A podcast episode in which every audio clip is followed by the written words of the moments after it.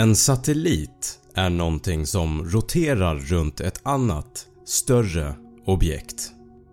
Vi människor har skickat upp tusentals satelliter i omloppsbana runt jorden över åren.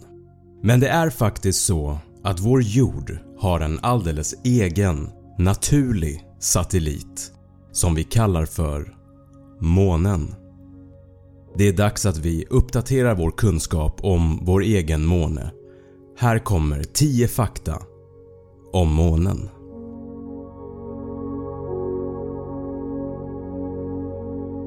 Månen är ungefär en fjärdedel av jordens storlek och är den femte största månen i solsystemet.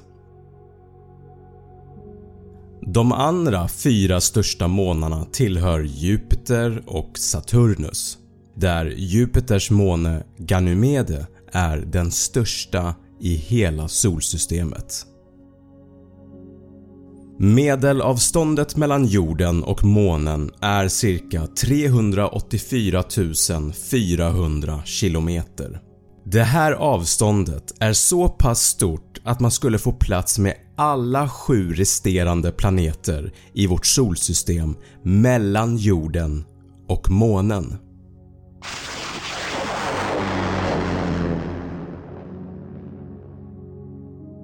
Man tror att månen bildades för ungefär 4,5 miljarder år sedan, inte långt efter jorden själv och att månen uppstod genom en enorm kollision mellan jorden och en annan himlakropp.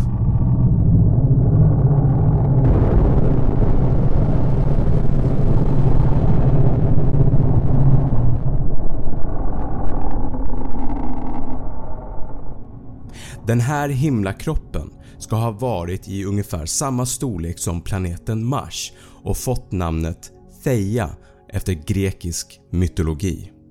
Den materia som slogs bort från jorden i samband med kollisionen hamnade sen i omloppsbana runt jorden för att till slut formas till vår måne. Det här är den mest accepterade teorin men det finns inga definitiva bevis på att det verkligen var så här som det gick till. Gravitationen på månen är bara en sjättedel av jordens gravitation och i korta drag innebär det att du helt enkelt känner dig 6 gånger lättare om du skulle befinna dig där. Om du väger 80 kg på jorden så skulle det kännas som att du vägde cirka 13 kg på månen. Vi ser alltid samma sida av månen från jorden och det är på grund av att månen har en så kallad bunden rotation med jorden. Det betyder att månen roterar runt sin egen axel med samma hastighet som den gör ett varv runt jorden och resultatet? Vi ser alltid samma sida. Men även om vi ser samma sida hela tiden så är inte månen helt stilla den gungar faktiskt. Ett fenomen som kallas för libration och som uppstår på grund av jordens rotation.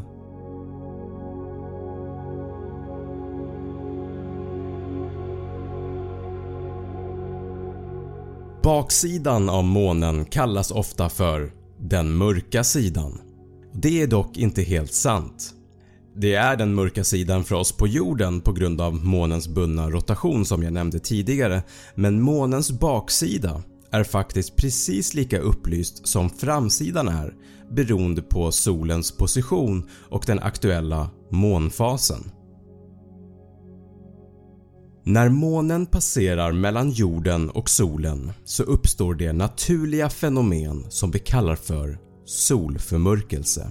Det här gick jag igenom i min video om jorden. En total solförmörkelse som vi ser på bilden nu hade inte varit möjlig om det inte hade varit för en total slump. Det är nämligen så att solens diameter är 400 gånger större än månens men solen ligger också 400 gånger så långt bort som månen gör i förhållande till jorden. Därför ser solen och månen nästan exakt lika stora ut från jorden. och det är också därför en total solförmörkelse kan uppstå. En månförmörkelse inträffar när jordens skugga täcker månen. Men månen blir inte helt svart eftersom lite ljus träffar månen på grund av jordens atmosfär. Månen får då istället en röd eller rödbrun färg. Temperaturen på månen skiftar väldigt mycket. Det är på grund av att månen i princip saknar en tjockare atmosfär som kan isolera hettan. Vi trodde faktiskt länge att det inte fanns någon atmosfär överhuvudtaget på månen, men det gör det. Den är dock väldigt, väldigt tunn. Vid ekvatorn kan temperaturen nå mellan 120 till 140 grader Celsius under en måndag och sjunka ner till minus 130 grader Celsius under månnätterna. På vissa delar av månen kan det dock bli ännu kallare. Vid polerna kan temperaturen sjunka ner till minus 253 grader vilket inte är långt från hur kallt det är ute i rymden som når ner till minus 270 grader Celsius. Månen är en öken med slätter, berg och dalar. Men vi ser också att månen är täckt av tusentals kratrar. Dessa kratrar har uppstått när månen har träffats av andra himlakroppar från rymden.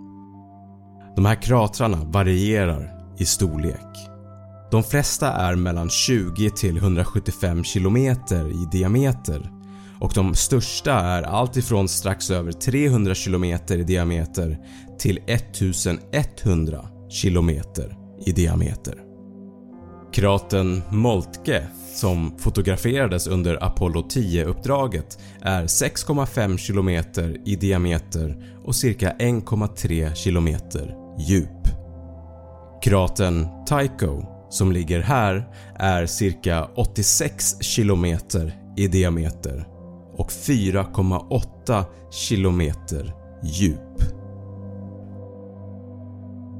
På grund av månens tunna atmosfär så kan den inte skydda sig mot hot utifrån på samma sätt som jorden kan.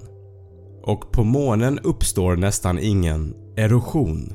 Det betyder att det finns inget väder, ingen vind eller växter på månen som kan påverka och förändra utseendet på ytan. Det är bland annat därför som man fortfarande kan se astronauternas fotspår på månen om man skulle åka dit igen.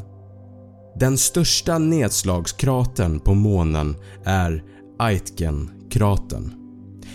2500 km i diameter 13 km djup och ligger på baksidan av månen.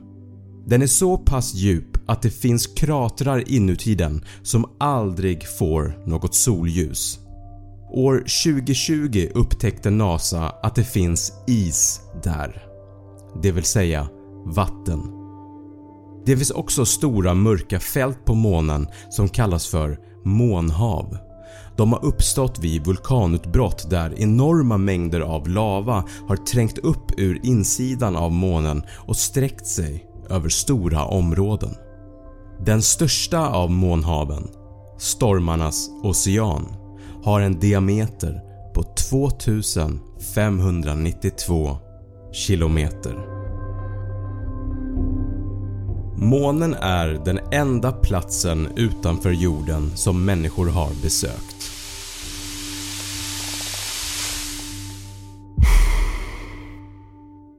Den amerikanska astronauten Neil Armstrong var först år 1969 under Apollo 11-uppdraget Sedan dess har 11 andra gått på månens yta mellan 1969 och 1972 och om vi räknar med de personer som färdats runt månen men som inte har landat så har totalt 24 personer rest till månen.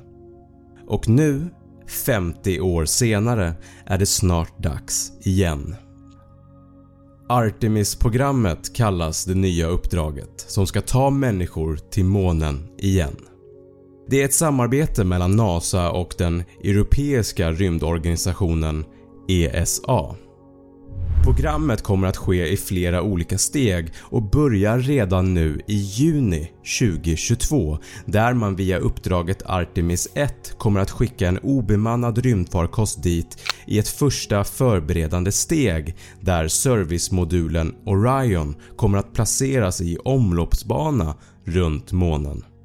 I den finns all teknik, mat och utrustning som astronauterna i kommande uppdrag kommer att behöva.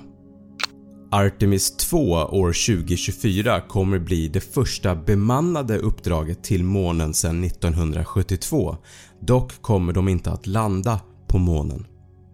Artemis 3 år 2025 beräknas två personer att landa och gå på månens yta igen. Artemis-programmet kommer att fortsätta med planerade uppskjutningar fram till 2033. Syftet är att etablera en bas på månen för forskning samt att Artemis-programmet också är det första steget till bemannade uppdrag mot planeten Mars.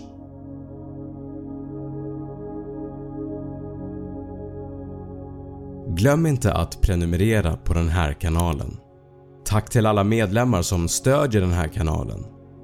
Och som alltid, tack för att du har tittat.